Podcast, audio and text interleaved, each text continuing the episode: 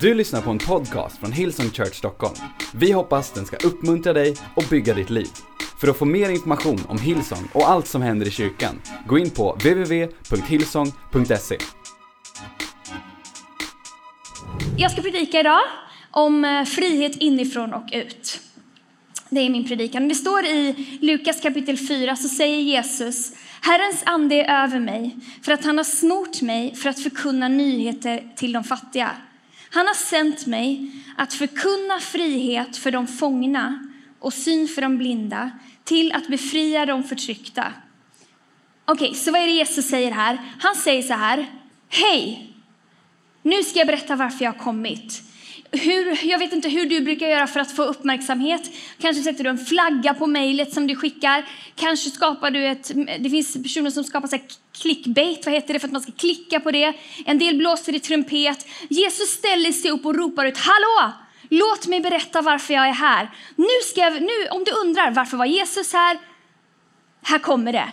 Han har kommit, han säger jag har kommit för att berätta för människor om att det finns frihet men jag har också kommit för att hjälpa människor in i frihet.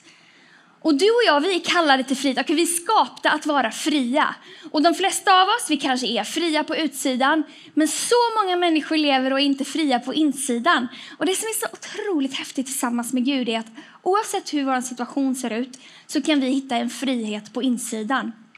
Tänk dig att du är en luftballong.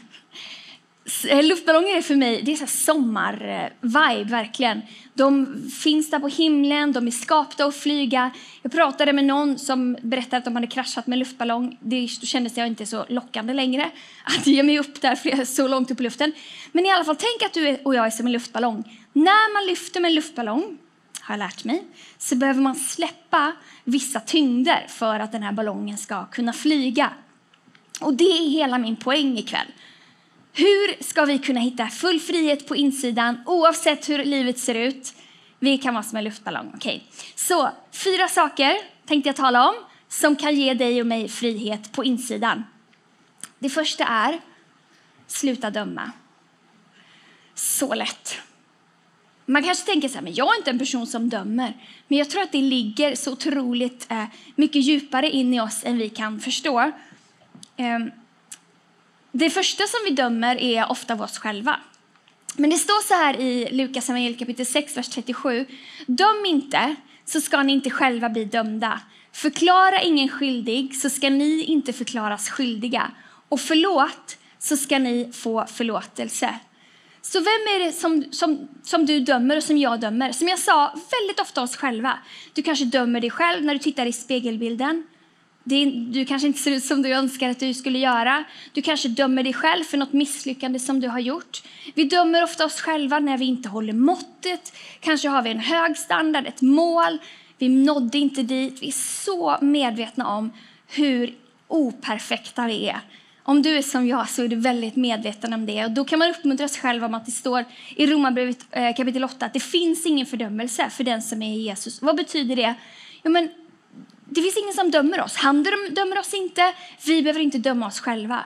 Men om du och jag kan eh, lära oss att sluta döma oss själva, då kommer vi hitta frihet.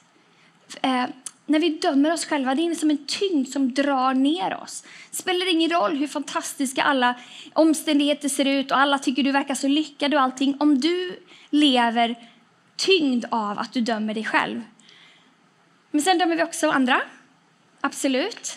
Tänk bara när någon kommer gående mot dig på gatan. Som tjej har man liksom nästan lärt sig om att döma personer. Snabbt kalkylera, är det här en farlig person?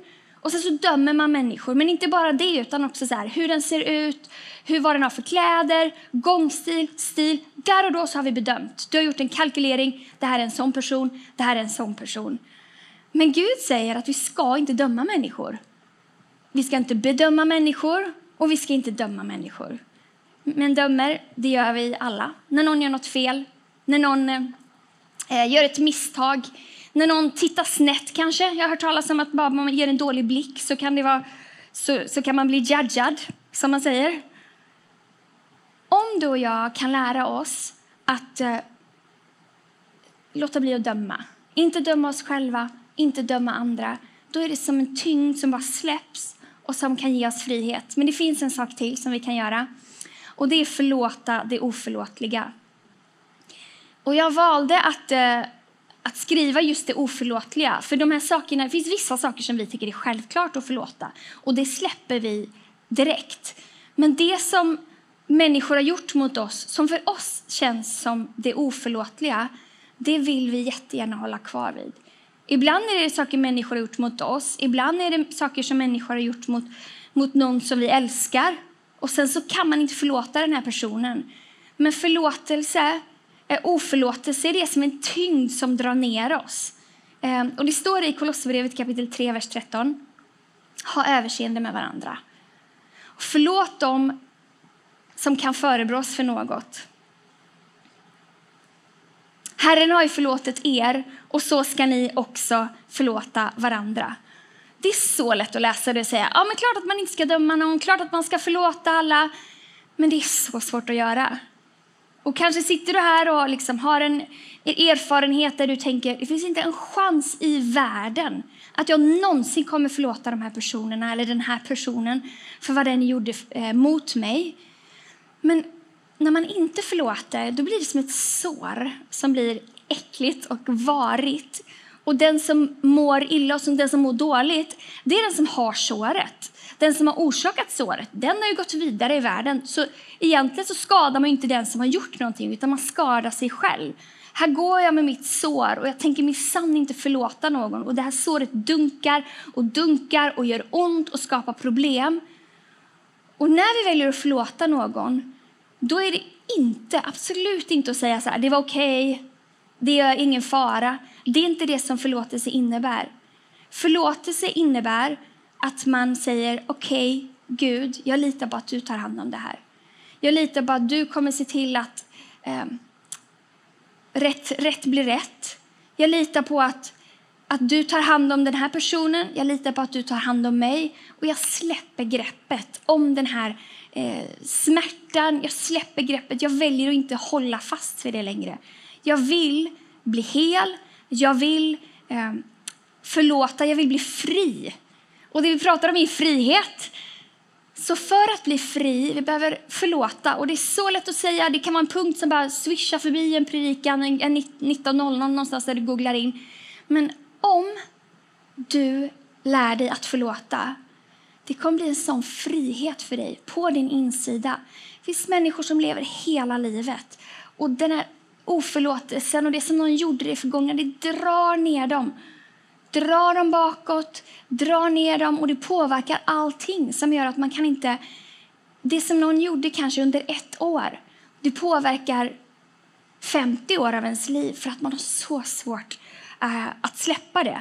Och återigen, jag säger inte att det är lätt. Men det som är så fantastiskt som Jesus sa i början, han säger så här, jag har kommit för att berätta att det finns en frihet, men jag har också kommit för att hjälpa människor till frihet. Så du och jag, vi kan be om Guds hjälp, den helige Ande som vi bad till eh, i början. Och han hjälper oss med det här, men vi måste vilja. Så för att kunna bli helt fria, för att vi ska kunna må bra i själen, så behöver vi sluta döma andra, sluta döma oss själva, och vi behöver förlåta. Det kan vara en process, men vi behöver göra det. Men det finns en sak till som vi behöver göra och det är riva ner murar. Du och jag, du behöver riva ner dina murar. Okej, okay, vad betyder det? Du kanske inte har en mur hemma. Nej, men jag ska berätta, det var lite bildspråk.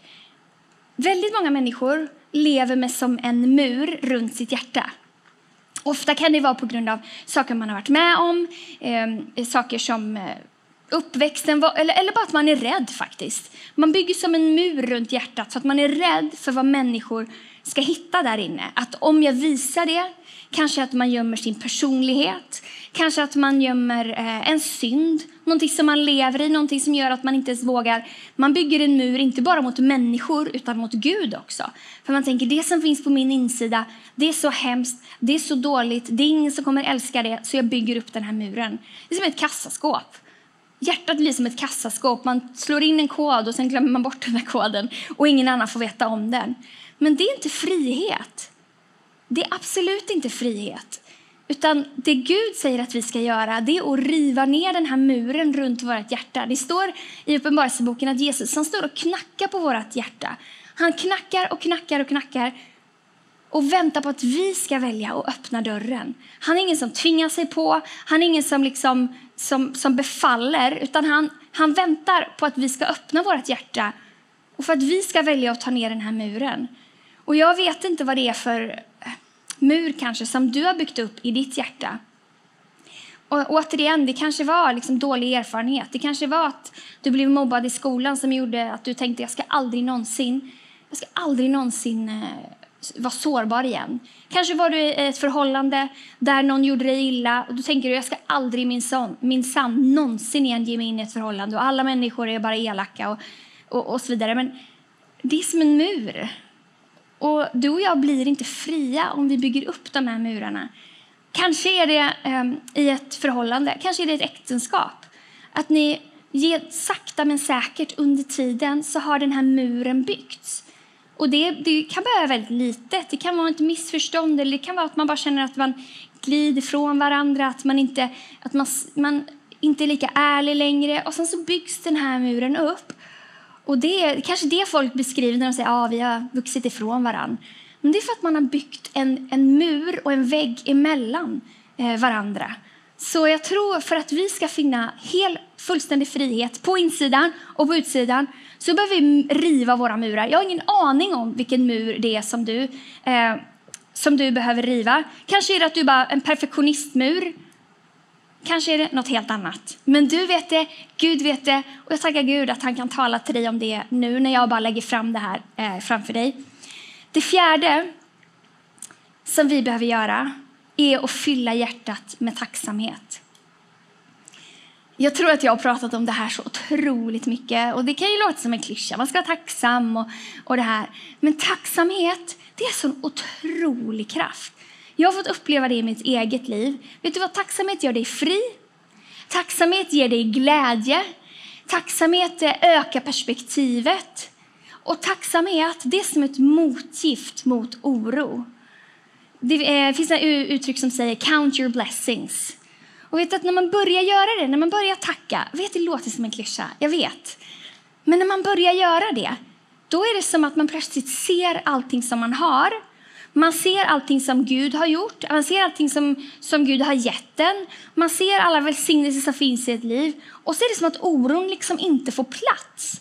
Så man puttar undan det. Det står i, eh, i Filipperbrevet kapitel 4 och vers 6 och framåt säger Jesus, oroa inte Jesus, eh, Paulus, oroa er inte för någonting, utan be och vädja alltid till Gud och tacka honom samtidigt som ni låter honom veta allt vad ni behöver. Då ska Guds frid, som är djupare än vi någonsin kan förstå, skydda era hjärtan och era tankar i Kristus Jesus. Och återigen, det är så lätt. Oroa dig inte. Oroa dig inte morsan, har du säkert sagt till din mamma. Det, jag har hört att när man blir förälder så växer den här delen i hjärnan där man oroar sig. Jag kan nog faktiskt relatera till det. Då är det ännu viktigare till oss föräldrar att inte oroa oss. Hur gör man det? Men jag tror att vi, att vi har en plats i våra hjärtan som är till för tacksamhet och för lovsång. Det är en plats där eh, tanken är att den ska vara fylld av lovsång hela tiden. Vi lovsjunger här på söndagar, men att det ska vara... Tänk dig när du vaknar på morgonen att tänk om det första är att du bara tittar upp mot taket om du vill det eller vart någonstans du vill och så bara börjar tacka Gud. Tack för att jag har sovit gott eller har du inte gjort det så tack för att jag har en kudde. Jag vet inte, det finns alltid någonting att tacka för. Jag hade en vän som gick igenom en otroligt tuff säsong. Hon hade cancer, hon hade var liksom ingenting. Men varje dag bestämde hon sig för att tacka för någonting. Så ibland var det så här, idag har jag en bra hårdag. Det blev hennes, det hon hade att tacka för. Men hon valde att leva i tacksamhet. Och det hon märkte var att, att hon blev fri, att hon fylldes av frid. Men när vi inte fyller den här platsen på insidan med, med tacksamhet och med lovsång, då är det något annat som vill ta plats på den här, eh, på den här, i våra hjärtan. Och det är oro. Alldeles säkert har du oroat dig för någonting någon gång. Det har jag gjort. Och jag märkte i säsongen när jag kanske vaknar och redan på morgonen där, om man tittar direkt på ett sms eller man får liksom någon, vad det nu är, att jag fylls av oro. Kanske det sista man tänker på är någonting som man är orolig för. Och då utan att jag ens har märkt det, så har den platsen som ska vara fylld av lovsång plötsligt, det är en plats fylld av oro. Och där behöver vi vara aktiva. Det är så lätt att det händer, men vad vi kan göra är att vi kan använda motgiftet, vara fulla av tacksamhet. Så om du är orolig för dina barn, hur det ska gå, börja tacka Gud för det. Jag tackar dig för att, min, för att min son har en bra framtid. Jag tackar dig för att han faktiskt gick upp idag på morgonen. Jag tackar dig för att du som har påbörjat ett gott verk i honom, du kommer fullborda det. Eller om du ska börja skolan, tack Gud för att du är med mig. Tack för att du var med mig förra året fast det var jobbigt. Tack för att du är med mig den här säsongen. Börja tacka och gör det gärna specifikt. Liksom i motattack mot den här oron. Det sätter oss fria. Jag har, sån, eh, jag har sån erfarenhet av det själv. Byt ut oron mot tacksamhet. Och ibland, kanske märker att jag är lite eh, passionerad över det här, men ibland så behöver man göra det riktigt, riktigt aggressivt. Man gör det när man inte känner för det, man fortsätter att tacka ändå. Man väljer att inte döma sig själv, man väljer att förlåta någon, man väljer att riva ner de här murarna som man så gärna vill bygga upp. Men man behöver också ibland göra slut med vissa av de här sakerna. Jag vet inte, jag, det var länge sedan jag gjorde slut med någon. Jag planerar inte att göra det alls. Men man kan ibland göra slut med räd, behöva göra slut med rädslan. Så jag faktiskt, här, om du behöver göra slut med rädslan så kan det låta så här. Kära rädsla. Kanske skrivit brev, kanske skrivit sms. Jag vet inte hur du gör. Titta dig själv i spegeln. Kära rädsla. Jag vet att vi har varit vänner länge nu. Men det här funkar inte längre. Du begränsar mig. Det är inte jag, det är du.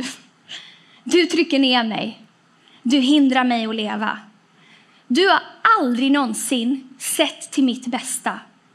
Du har alltid velat ha mer och mer plats utan att ta hänsyn till mig och hur det påverkar mitt liv.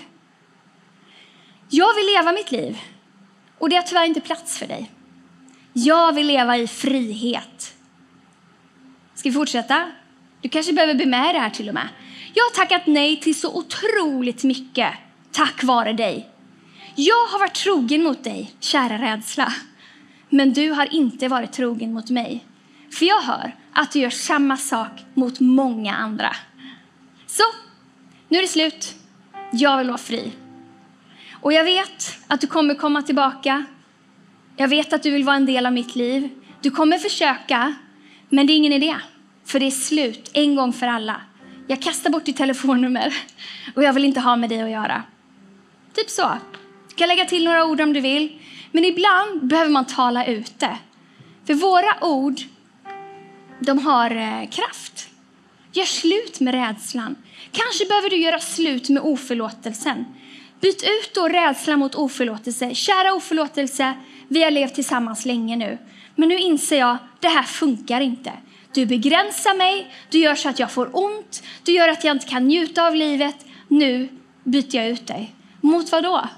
Mot kärleken, mot Guds kärlek såklart. Och här är mitt tips. När du väl har gjort slut, när du väl har försökt bli av med det här i ditt liv, det kommer försöka smyga sig tillbaka. Det kommer finnas tillfällen när du eh, blir trampad på tårna eller sårad eller vad det nu kan vara. Eller du blir rädd eller du, vad det nu är. Påminn dig själv då om att då behöver du bara vara tydlig. Säga, okej, okay, du är inte välkommen i mitt liv längre, för jag har ny. Jag har Guds kärlek på insidan. Okej? Okay? Vi pratar bara om att göra slut med rädsla och annat här, inget annat. Men det står i Galaterbrevet kapitel 5, vers 1. Jag skulle vilja avsluta med det. Till denna frihet har Kristus gjort oss fria. Stå därför fasta och låt er inte tvingas in under slavoket igen. Gud har skapat dig och mig till att vara fria. Så många av oss lever fria, som det ser ut på utsidan. Men så många av oss lever fångna på insidan av saker som försöker dra ner oss. Så här kommer min fråga till dig. Vad ska du göra? Vad ska du göra för att bli fri på insidan den här sommaren? Vad ska du göra? Är det en mur som du behöver börja i alla fall montera ner? Kanske det är en vän som du kan våga berätta för vad som finns på din insida. Kanske det är en vän som du kan säga, du jag har det här problemet. Jag har det här beroendet. Jag har det här i mitt liv som jag är så rädd att någon ska veta om. Kanske behöver du försöka börja förlåta. För, börja försöka förlåta varje dag och märka att du mer och mer blir fri från det som försöker hålla oss tillbaka. Kanske behöver du bara sluta döma dig själv, andra, kanske någon i din familj. Sluta döm. Det kommer inte ge dig frihet. Det är inte alltid bra för oss att bara ha rätt. Det hjälper oss ingenstans. Vi är levat, eh, skapade att leva i frihet. Du har lyssnat till en podcast från Hillsong Church Stockholm. Om du vill veta mer om vår kyrka eller om våra söndagsmöten, surfa in på www.hillsong.se.